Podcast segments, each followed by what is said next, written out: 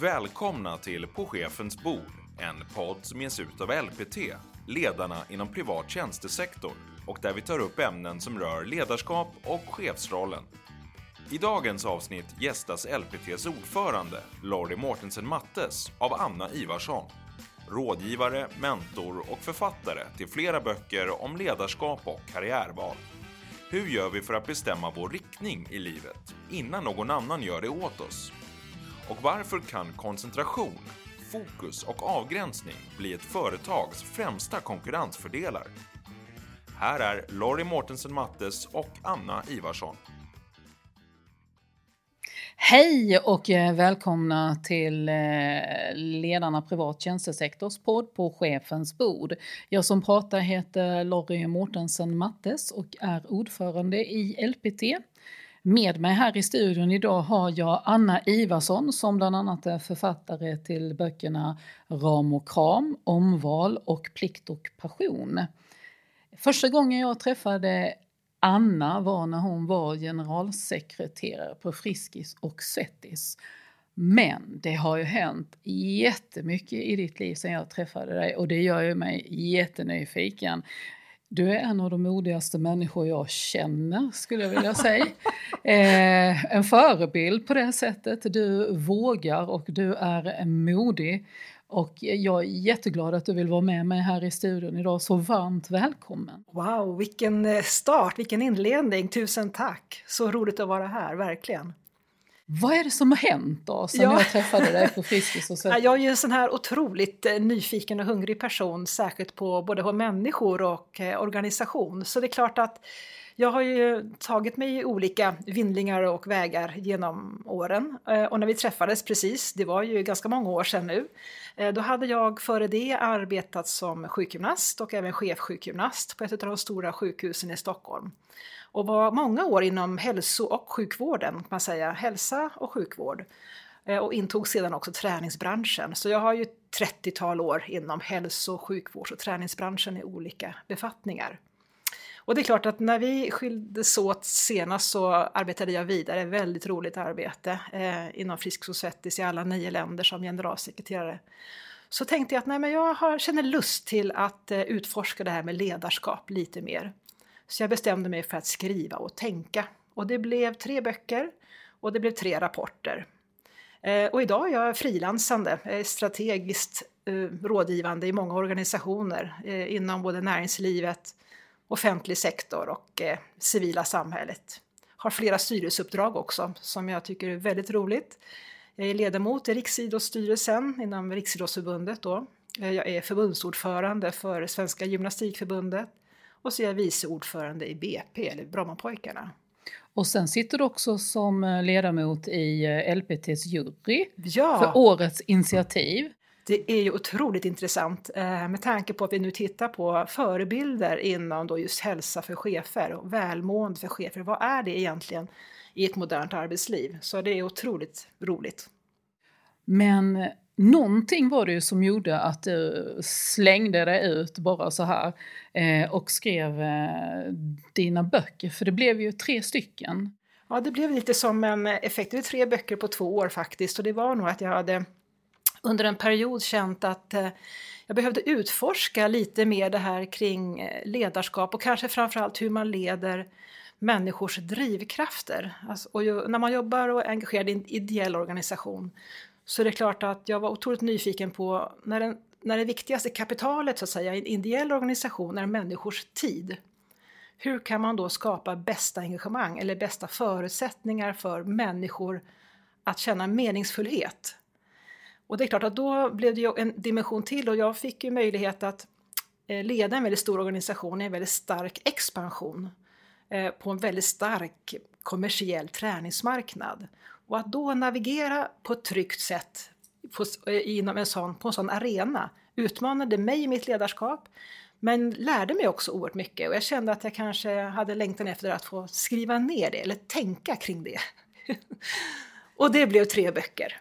Och då var det Omval, var första boken. Jajamän. Eh, och det får ju mig att tänka på massa saker. Jag tänker omval, jag tänker ju, man gör ju en hel del omval i livet. Men inte alltid på arbeten. Nej, eh. den heter ju just hur du väljer om ditt liv ja. och din karriär innan någon annan gör det åt dig. Och det är klart att jag har ju som mentor som jag har varit också i 30-tal år så har jag ju mött väldigt många både framgångsrika ledare, chefer i höga positioner och många, många andra förstås. Och också fått möta många i den här liksom, svårigheten och balansgången att få ihop livet när man har en chefsposition. Och det är klart att eh, eh, kanske också den här svårigheten att känna att man kan leda sig själv, alltså min egen personliga utveckling när jag hela tiden ska förväntas utveckla andra. Och det där tyckte jag var intressant. Eh, och jag implementerade just själva omvalsmetoden, för det är en metod, i min organisation när jag var generalsekreterare för Friskis och Svettis. Att människor fick välja om sitt engagemang. För att det är ju ännu viktigare om jag gör någonting frivilligt och ideellt att veta varför jag engagerar mig.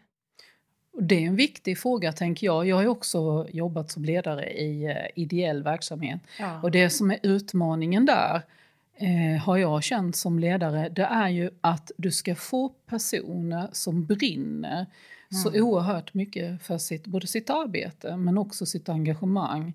Att göra saker men också till en liten peng.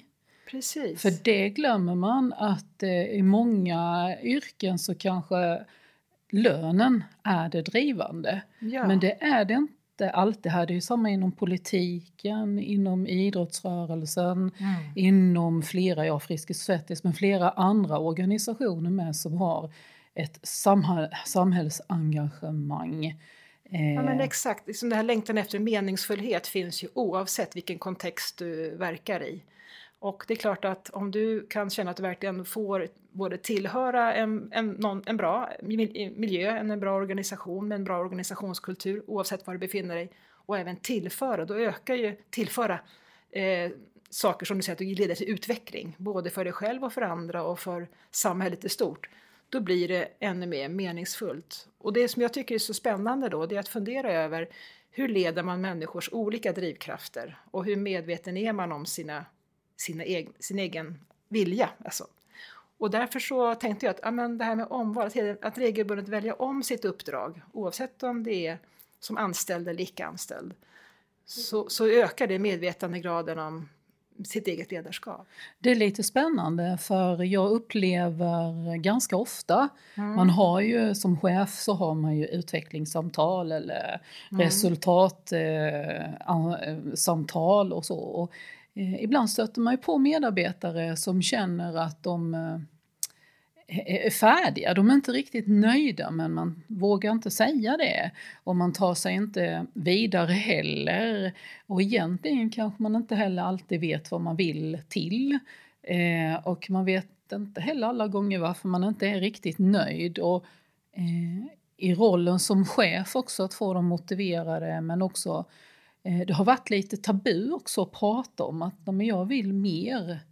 Eh, varför ibland... är det så? Jag tycker ja, det varför är det så? Det här är jätteintressant. Det är precis det som är fascinerande att vi då av någon anledning väljer att inte vilja prata om det eller inte ja. kan ta det, även fast vi kan se det. Oftast i vårt ledarskap, många medvetna chefer och ledare ser ju det här och känner det här. Men att det är ibland så svårt att prata om det. det Hur reagerade dina medarbetare när du sa att nu får du välja om ditt jobb? Vill du vara kvar eller vill du inte? Jo men det blev ju så att eh, jag ville ju verkligen att när man är i en sån spännande utvecklingsfas eh, så behöver vi också känna att alla vi som är med här vill, vill verkligen vara med i den här utvecklingen. Och ganska få människor, alltså få resurser, så behöver vi också känna att nej, vi, om vi ska bygga den här goda lagandan så vill vi verkligen nu tillsammans satsa. Så jag uppmanade alla medarbetare att välja om varje år inför varje medarbetarsamtal sitt eget uppdrag. För det var ju viktigt också att veta i det fall att man gick i funderingar på att man kände sig liksom färdig, precis som du säger, mission completed, det, kan man ju, det är ju helt normalt så att säga, det, arbetet är bara en del av livet. Då är det bra att vi pratar om det, jag som chef och du som medarbetare, så att vi kan prata om hur kan jag skapa bästa förutsättningar för att du ska komma till din nästa utvecklingsplattform. Att jag inte försöker behålla dig därför att det är bekvämt för mig som chef eller ledare för att du är expert eller bäst på ditt uppdrag. Utan jag vill ju ditt bästa i din nästa utvecklingsfas. Eller att man i ett omval kommer fram till att ja, men jag trivs verkligen här men jag känner att jag får inte riktigt höjd i mitt arbete eller, eh, det kan vara andra begränsningar som gör att jag inte känner mig trygg eller sådana saker. Eller att jag känner att eh, men det här är precis rätt för mig. Att jag bara, det som är så intressant, det ser man ju också, det finns en, en koppling till eh, välmående, alltså arbetsmiljö. Om jag väljer mitt arbete själv så ökar mitt totala välmående. Och det jag önskade då, det är att alla har ett eget personligt ledarskap. Sen har jag ett gemensamt ansvar för att skapa en bra samarbetskultur, så att säga. Men förutsättningen är att först veta, vill jag vara här eller inte? Och det var det som jag utmanade, eller jag, jag ökade förväntningarna, både på mig själv och andra. För att om jag skulle vara trovärdig då gentemot medarbetarna behövde jag ju börja med mig själv. Så jag var också tydlig med att jag väljer ju mitt uppdrag. Det är ju också modigt, tycker jag. Och jag tror att man behöver prata om detta mer. Eh, och jag tror att vi har levt i Sverige i en lång tid där man har varit länge. Mm. Och det har varit en merit att vara länge på en ja. arbetsplats. Eh, men många har ju också mått väldigt dåligt. Ja. Och man har inte haft så mycket utrymme att välja andra arbetsgivare, kanske en organisation. Men eh, där jag har funderat jättemycket på det när man inte vet dels att man känner som medarbetare, nej men min chef ser mig kanske inte. Nej. Fast det gör vi ju. Mm. Och eh, man ser också eh, där man tänker som chef kanske, ja men varför är man på arbetet? Jag som chef måste ju tänka, varför är jag på mitt arbete? Precis. Och det är ju likadant med medarbetarna, varför är jag här? Vad tillför jag? Vad är min uppgift? Och vill jag ställa upp på det här kontraktet? Och det tror jag, eller jag hoppas att det ska få lite mer eh, ökning av att man vågar prova nya och att man har utmaningar. Just det du säger där att vill jag vara här? Nej, det vill jag kanske inte.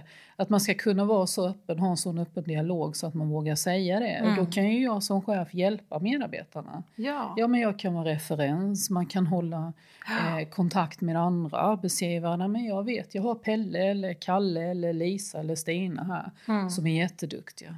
Men eh, det ja, är rätt... Du är inne på ett intressant ja. tycker jag därför att det här avsevärda skillnaden mellan eh, engagerade medarbetare och att leda drivkrafter. För att alla vill vi ju ha engagerade medarbetare. Mm. Man känner sig motiverad för sitt uppdrag och man känner eget ansvar. Men ibland så kan jag eh, uppleva att man som ledare och chef inte heller ser vad, vad finns det för bakomliggande drivkraft hos ett visst beteende hos en medarbetare. Varför vill den här personen ta så enormt stort ansvar i en fråga? Eller mm. varför vill personen inte göra det? Eh, och ibland, det har hjälpt mig i mitt ledarskap att liksom fundera över, men det måste finnas en bakomliggande drivkraft till att Lisa här alltid eh, ska jobba över eller så. Det kompenserar kanske något annat beteende.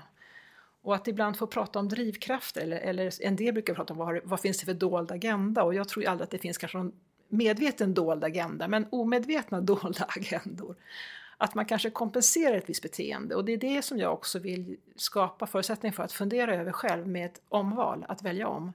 Vad är det egentligen som driver mig till att ha vissa arbetssätt? Eller vad är det som driver mig att jag inte kan styra eller förändra mitt beteende eh, eller mitt arbetssätt? Och det är spännande med tanke på att vi ser eh, allt fler som blir sjukskrivna ja. för ja. Eh, psykisk ohälsa, mm. Eh, utmattningssyndrom. Precis. Och man mår helt enkelt dåligt och man ser att trenden ökar. Mm. Och den har ju ökat med ganska många procent de senaste åren. Och Tror du att det skulle ligga någonting i att man kanske inte trivs på sin arbetsplats? Att det är egentligen det samtidigt som du har ett privatliv som inte hänger samman? Eller det är jätteintressant du? du säger därför att eh, när jag skrev min första rapport som kom ut 2012 eh, så kunde jag ju se i den livstidsrapporten då att eh, vi, kom, vi går in i en period nu eh, med psykisk ohälsan kommer att accelerera. Det var ju inte så tydligt då, det är ganska få år sedan egentligen för idag pratar vi om det som dagligen. Mm. Men det var då jag också insåg att eh, den här boken Omval behövdes. Jag kan säga att det är rent förebyggande hållbarhetsarbete, tänkte jag då. Att den här boken är verkligen ett sätt, alltså medvetet ledarskap som vi pratar om, medvetna beslut och det här det kommer bara accelerera. Det var ju därför också som jag egentligen valde att göra en omvalsmetod, för egentligen så tänkte jag att men, det här kan ju inte vara en bok egentligen. Utan, men det var det faktiskt det jag såg. Det går i fel riktning. Och om jag kan bidra på någonting, något sätt med mina erfarenheter så skulle det här kunna vara ett sätt av flera. Och just det här att brinna. Vi eh, i LPT presenterade en rapport i Almedalen mm nu 2019 där, eh, som vi kallar för chefens eh, skärmslaveri som handlar om digital stress. Där vi såg bland annat att 9 av 10 personer mm. jobbar på sin semester. Vi såg att unga var mycket mer stressade och det vi såg var unga inom IT-sektorn, vilket mm. var lite spännande. Mm. För där eh, finns det en fördom om att ja, men de är lite hippa, de kan det här med IT och de har koll på läget. Mm. Men som eh, övervägde dels att sluta sitt arbete för att man hade för mycket stress eh, och att eh, man inte hann med och att man kände sig, man ville sluta sitt arbete helt mm. enkelt. Och det här accelererar ju. Det här med eh, att arbetstid och fritid också flyter samman. Speciellt när vi med ditt mm. och mitt arbete som både är ett starkt intresse, fritidsintresse samtidigt som det är ett arbete. Mm. Eh, vad skulle du säga till de här människorna? Vad tror du? Alla borde ju läsa omval känner jag vi går ju in i en fas nu där vi kommer, jag tror att för varje arbetsgivare så kommer det bli en konkurrensfördel som jag säger, att skapa förutsättningar för sina medarbetare och även för sig själv. Att i perioder få arbeta, det finns tre ord som jag använder, med koncentration, med fokus och med avgränsning. För att du ska klara av det arbetslivet som är idag med den förväntan på hög tillgänglighet och därmed ständigt en känsla av otillräcklighet och där vi egentligen konkurrerar om människors upp, upplevelse av brist på tid, så kommer det, vi behöva gå in i en fas nu, tror jag, eller kan jag också se, eh, att vi behöver liksom skapa förutsättningar. Hur kan jag i mitt, när jag kommer till jobbet, känna att det jag planerade att göra när jag gick till jobbet idag, känna att när jag går hem, då har jag, upp, då har jag gjort det jag hade tänkt göra. Och inte bara halva liksom, den förväntan på min, min egen insats. Så det kommer faktiskt bli en konkurrensfördel som jag säger för de arbetsgivare som ska lyckas skapa förutsättningar för det. Och det här tror jag behöver eh, struktureras mer. Ibland pratar vi om att det sitter i organisationskulturen och det här egna ansvaret har ju gjort att vi har en stor eh, vi har gillat det. Vi gillade den flextiden när det kom. Vi gillade den här uh, möjligheten att jobba när jag ville när det kom. Mm. Men nu har det blivit gränslöst. Mm. Så vi är på väg in i en fas nu där man snarare behöver skapa struktur för ledighet, struktur mm. för arbete, struktur för det mm. och inte bara utveckla kulturen. Därför att det är klart att om det finns en norm, eh, vilket finns i högsta i makten, i ledarskapet, en norm som säger att man kan skicka mejl dygnet runt, mm. då är det det som gäller. Mm. Oavsett fast man säger att du får planera din tid hur du mm. vill. Så att vi går in i en otroligt intressant fas nu där det kommer snarare vi se mer, mer struktur och förändringar på hur man kan sätta avgränsning möjlighet till koncentration och fokus för att klara av det här. Och där är det lite spännande. Jag träffade Petronella Posti ja. Eh, när jag var i Almedalen. Hon var med i vår eh, panel med.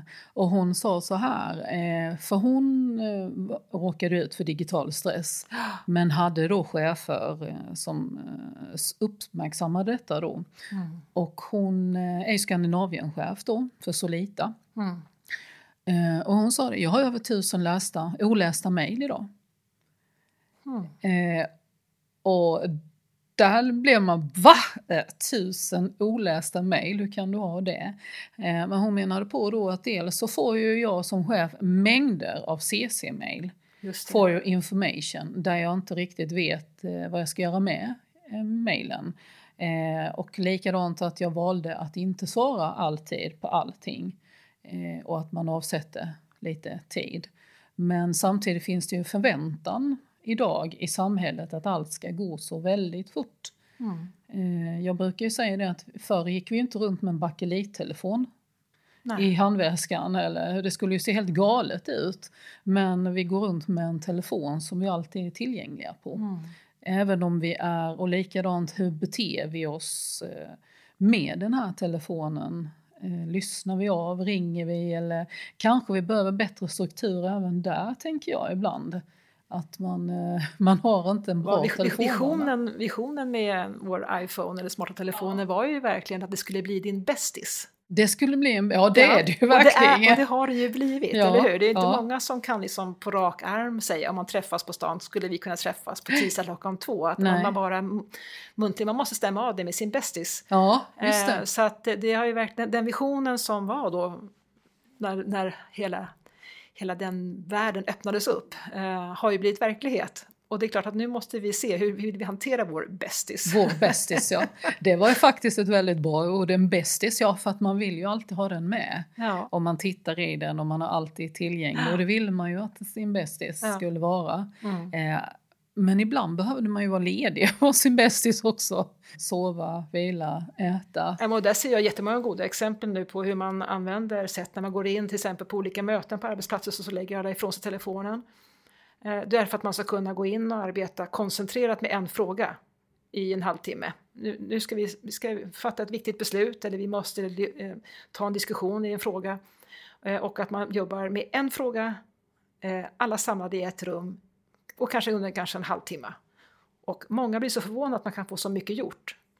Eller vi ser exempel på hur man gör eh, walk and talk promenadmöten för att kunna vara mer i fokus och avgränsning. Man lägger ifrån sig telefonen när man går ut för att få ett, kanske ett fördjupat samtal, ett medarbetarsamtal eller kunna verkligen lösa en, en konflikt eller en surdeg eller komma vidare in en svår fråga på arbetet. Att man går ut två och två och pratar en timme och när man kommer tillbaka så har man löst det. Och det blir ju lite mer eh, avslappnat.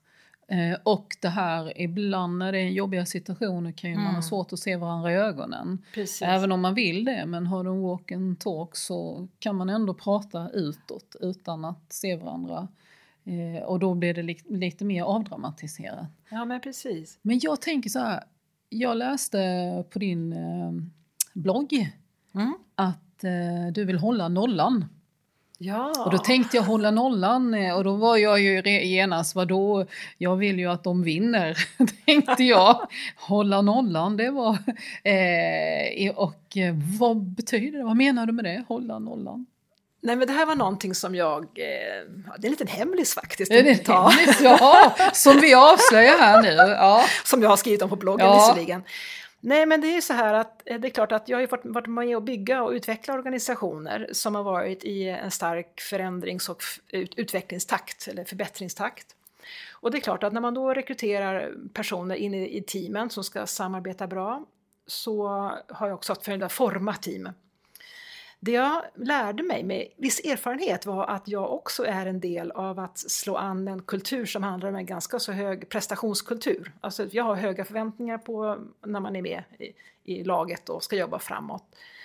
Eh, och det innebar att jag förstås anställde personer som var, hade väldigt höga prestationsförväntningar både på sig själv och på andra. Eh, och otroligt, alltså när man jobbar med experter eller med sakkunniga eller med personer med gedigen erfarenhet, då, då får man ju det man efterfrågar. Det man efterfrågar, Ja, och är i framgång i kombination. Eh, Och då förstås så var det ju så att jag visste ju det att när man är i en sån miljö, en, en sån kultur, eh, är det så att en faller av utmattning eller utbrändhet så kommer det finnas en stor smittorisk. Och för mig är det att hålla nollan. Ingen får bli sjukskriven för utmattning eller utbrändhet. Alltså, det kan ju finnas personliga skäl förstås och, och det kan man kanske inte alltid hindra. Men mitt, min egen interna vision i mitt ledarskap var att skapa en kultur där man faktiskt man förstås får jobba sig väldigt trött och utmattad och, och verkligen, man säger, sliten. Men man måste få möjlighet för återhämtning och förstås också rusta sig inför sådana arbetsperioder.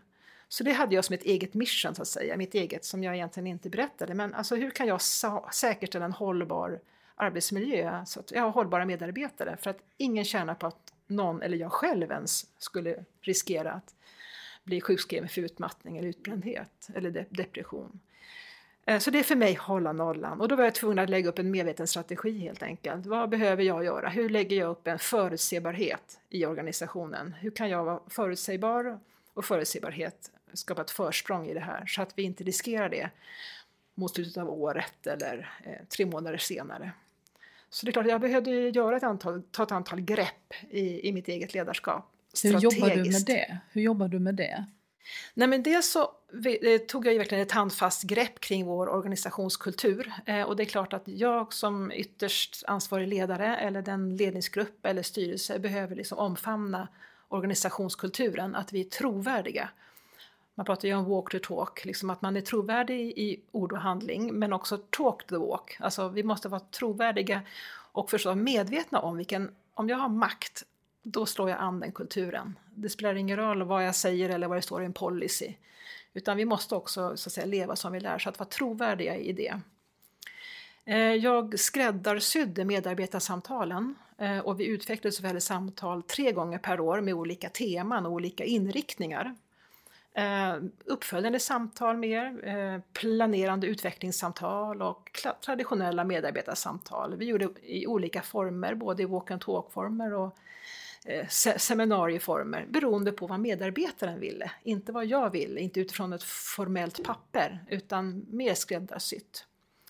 Jag införde omvalsmetoden, eh, att medvetandegöra det och, och också kopplat till de här olika medarbetarsamtalen under året då, som jag då systematiserade. Vad blev reaktionen eh, när man eh, ställde frågorna? Eh, nu vill jag att du gör ett omval eller vi gör ett omval här. Ja, vill det är du vara kul, kvar på nej, den här arbetsplatsen? Träff, ja. När jag träffar medarbetare som jag har haft tidigare så, så, kan de, så har de fortsatt att använda det, många. Ja. Eh, jag, hade inte, jag, jag medvetande gjorde ju det och jag kravställde inte utan men, men många upplevde att det kändes bra att hitta sin form för att eh, medvetandegöra sitt eget omval. Det som jag såg som en möjlighet var ju att vi Eh, när man upplevde kanske att man hade varit i en period där man kände sig trött och sliten, att liksom hitta en sortering i vad det var, om det var kopplat till arbetet eller till privat. Och eh, jag brukar säga att vi, vi, vi la upp det på bordet. Istället för att vi mm. pratar om att du är sån och jag är sån och hon är sån, så la vi upp det, ja men så här ser mitt eller jag kunde också lyfta upp då, jag upplever att jag inte ser glöden i dina ögon på jobbet riktigt. Är, är det något som, fantiserar jag eller stämmer det? Mm. Men det, det, lyser inte om det. Jag, mm. Det är någonting som nyansskillnad den här våren till exempel. Mm. Kan vi prata om det? Och då kunde jag lägga upp det på bordet och prata om det. Och då kunde vi ha ett fint samtal om det liksom utifrån eh, lite mer objektivt än att prata om att när vi hamnar i situationer där jag, där jag känner att ja, du är otydlig som chef eller vad det var. Det, är ofta, det känner jag och eh, flera chefer igen tror jag när man hör medarbetare eller kollegor uttrycka sig på det viset. Och, eh, jag tror att eh, det har varit lite fult ibland att prata om vissa saker men som chef så du ju, får du ju hela spektrat. Precis ja. som du säger om en, chef, om en eh, medarbetare mår dåligt så påverkar det, det påverkar arbetsgruppen och det påverkar resultat. Och, ja. eh, I vissa sektorer har det varit lite eh, fult att prata om det. Men egentligen handlar det ju faktiskt om omtanke, om omval tillsammans tänker jag också. Eh, vill du välja mig som arbetsgivare? Eller ja. vill du välja den här, den här miljön? Och att se att, eh, för det, det, kan jag också märka, det är också många miljöer, hälso och sjukvården som jag har jobbat en hel del med nu också, som är, just att man, när man är i ett sammanhang så har man ju svårt att kanske, när, när identiteten blir väldigt kopplad till sitt arbete, mm så har man ju svårt att kanske se sig i ett annat sammanhang och man blir snarare kvar i den identiteten än att tänka att vad skulle kunna vara mitt nästa steg i min utveckling. Utan man, vill snarare, man blir en hjälpare, att vad skulle hända om jag, vad skulle hända, då skulle allting falla om jag slutar. Om jag slutar, ja. Mm. Så att jag försökte alltid, liksom, men organisationen kommer finnas kvar. Nå, någon kommer ju, om du väljer att lämna, Eh, så kan du lämna, du behöver inte alltid lämna över till någon annan för det kommer troligen ske på ett annat sätt. Eh, det kanske är lättare för dig om du bara tänker att du ska lämna. Att du är färdig. Du är färdig. Du behöver inte ta ansvar för att någon annan ska göra som du har gjort. Och det är ju viktigt också att man eh, när man lämnar också kan göra det eh, utan att det finns en konflikt bakom. Mm. För det är mm. det många ser att ja, nu trivs inte jag på jobbet för att jag vill vidare och jag kan inte utvecklas på det arbetet jag har. Mm. Jag vill framåt men den arbetsgivaren kan inte ge mig det. Mm. Eh, det har ju varit lite fult att prata om det.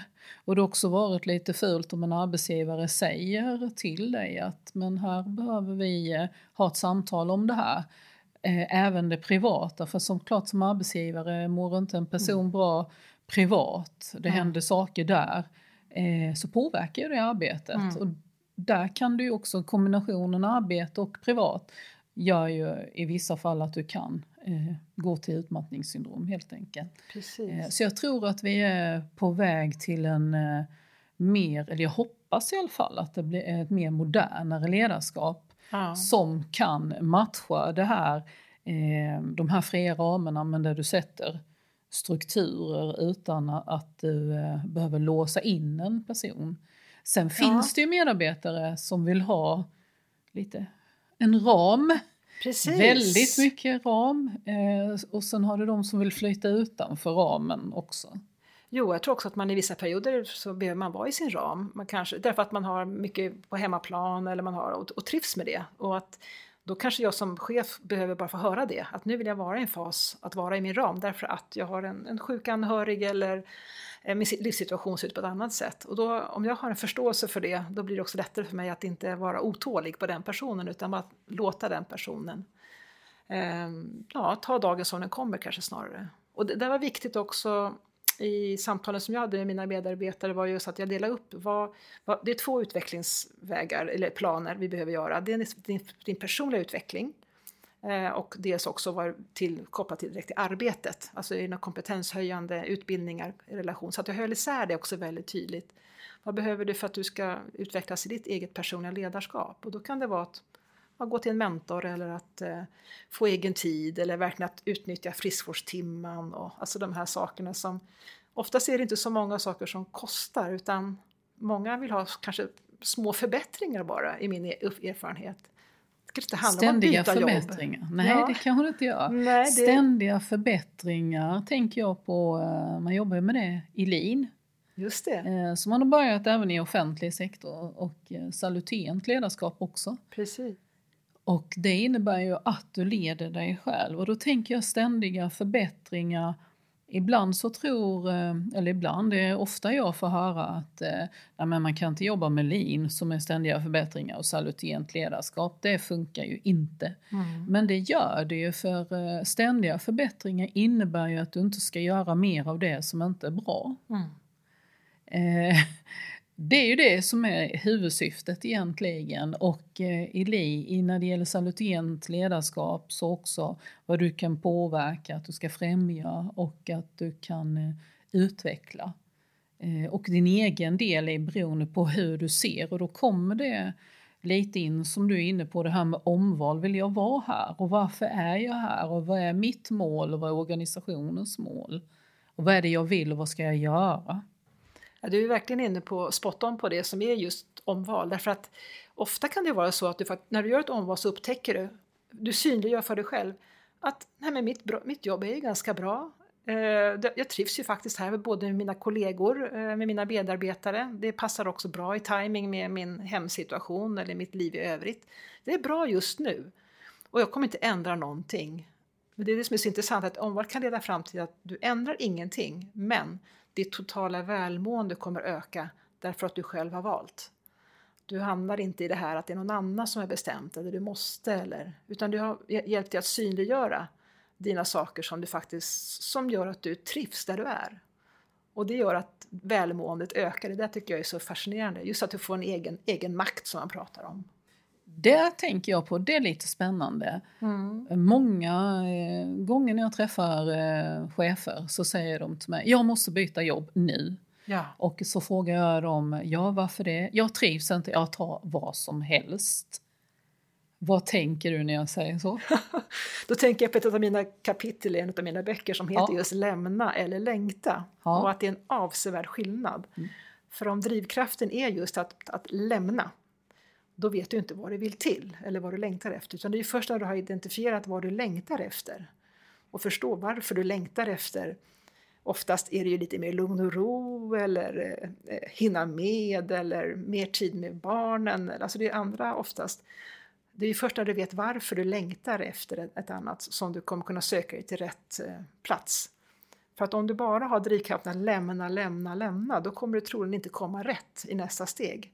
Och då finns det ju risk att du går från jobb till jobb eller från uppdrag till uppdrag. Därför att du, hela drivkraften är att bara komma bort, komma bort ifrån. Och det är ju först när du vet vad du vill komma till som du kan gå på mål. Och då när du, när du har identifierat ditt mål, då är det bara att gå rakt på mål och ingenting annat. Nej, och bara sikta, precis som när du springer, Precis. ska springa 60 meters lopp och du ska framåt. Ja, Ja, det är spännande. Jag vet att jag då kan det själv... behöva lite mod. Ja, precis. Och mod också, eh, för man vet ju vad man har men inte vad man får. Mm. eh, Det är ju många också som säger. Och det kan ju ligga i någonting i det, men eh, Men det där är en generationsfråga, det var så kul. För Ja. när, just när jag lämnade, som du säger, som man nu säger, toppjobb då, generalsekreterare Mm. efter en framgångsrik resa. Det var så intressant därför att om man säger min, min pappas generation, eh, reaktionen från den generationen var ju så här, men vad skönt, nu får du liksom vila lite och återhämtning och vara med med familjen. Eh, när jag pratar med min, mina, dot, eller mina barns generation, 20, 15, 20, 25 års åldern, så säger ja, så där ska jag också göra. Att bara lämna något och sen göra någonting annat. Och när jag pratar med dem som kanske är min egen generation, och det här med 40-50 års åldern, så säger jag, vad modigt, det där, Mm. det där skulle jag också vilja göra, men jag skulle aldrig våga. Det är det som är lite synd, tänker jag. Jag är lite lik dig där. Jag eh, slänger mig in i och det där är spännande. Och sen efteråt, så tänk, efteråt när man fått distans så tänker man, hur i herrans namn tänkte jag? Men då hade man ju lusten. Ja, ja precis, för det var, jag undrade, vad, vad driver dig då? Ja, det är ofta att jag, eh, jag märker att precis det du säger, det här Ja. skulle jag vilja göra. Jag vill gå till, jag vill inte gå ifrån någonting. Just det. Eh, och det hade jag också i mitt arbete nu. För jag fick ju frågor när jag skulle börja mitt nya jobb då, jag var på intervju. Och, eh, så frågade de, men du som jobbar i Stockholm och du jobbar där, herregud, och så ska du börja här, varför då? Men så, då hade jag ju tänkt att jag ville gå till ett Precis. arbete. Så att när jag kom dit så skulle jag vara laddad Mm. och verkligen, eh, det här eh, gillar Mm. jag. Och det har ju blivit bra. Mm. Men jag upplever också att många går ifrån i desperation Precis. för Ja. att man, man eh, till slut så kommer man till en ohållbar situation. Och det kan ju faktiskt vara så att det finns en dålig arbetsmiljö som gör att man inte trivs. Men det är också svårt när du kommer på en arbetsintervju för du kan ju inte gärna sitta där och säga att jag, jag har en pestarbetsplats. Det säger man ju aldrig för då uppfattas man ju som illojal. Eh, Så det är alltid en... eh, Därför tror jag det är jättebra att man pratar mer och mer Mm. om de här sakerna. Att nej, man, man behöver inte ha gjort något konstigt för att man vill byta jobb. Ja, men, ja, ja, det är ett precis. generationsskifte där, tänker jag. Verkligen. Ibland kan det ju vara så att du verkligen behöver skjuta ut dig, som jag brukar säga. Att man Mm. behöver, för att kunna veta vad du vill i nästa steg, vad du Mm. längtar efter, så behöver du först skjuta ut dig, men vara medveten om då att okej, det, det, där jag landar nu, det kanske inte kommer vara det som jag kommer fortsätta med över lång tid, men det behöver jag nu för att kunna tänka rätt, Mm. så att säga. Men att vara medveten om det och veta att det här, ja, jag skjuter mig ut, ut mig f- för, över din överlevnad kanske, till en plattform där jag kommer vara för att utforska vad jag vill, vad jag vill längta eller vill komma till. Eh, och en del kan ju bli oroliga då, men då måste man veta varför man landar där man är. Så att säga. Och det kan Också- ett omval också hjälpa till att sortera. Jag, allting har ju ett slut, brukar de ju säga på film. Eh, och vår tid har gått ut här, men innan vi avslutar, tre bra råd som du skulle vilja ge våra chefer som lyssnar ute i etern här någonstans. Eh, ja, oj vad spännande. Vad ska jag välja då? Jag säger så här. Ta kommando över organisationskulturen. Om man inte leder organisationens kultur, då leder den sig själv. Och eh, möjligheten det innebär att leda den, det kittet, det sättet att samarbeta, det har du som ledare och chef. Eh, låt det inte bara vara en vindflöjel som andra leder, utan ta kommando och led. Eh, jag skulle vilja utmana dig att införa omvalsmetoden. Eh, höj förväntningarna hos dig själv, att välja om ditt arbete, om du känner lust och passion och glädje i det du gör. Och vad händer om du skulle uppmana dina medarbetare att också välja om sitt arbete inför det viktigaste samtalet som en del upplever att de har, ditt, ditt och medarbetarens medarbetarsamtal. Jag lovar att ni kommer få ett krispigt samtal eh, och eh, spännande och öppn, öppnar upp för en dialog. Och eh, den tredje skulle jag säga, vad händer om du skulle bidra till att eh, systematisera eh, både ledighet och eh, om man nu pratar om ledighet utifrån att skapa förutsättningar för med den medarbetare och dig själv. Att eh, ladda inför perioder som du vet är mer arbets, kräver mer av dig eller att vi ger, ger förutsättningar för bra återhämtning direkt efter en målgång, ett projekt som har gått i mål till, till exempel. Att systematisera att det finns tillräckligt med lång ledighet runt jul och nyår eller kring höstlov eller sommar. Att det finns en, ett sätt där du verkligen skapar möjlighet till att avgränsa för att bli mer hållbar över tid. Spännande. Och mm. jag hör att vi borde ta mer efter idrottsvärlden.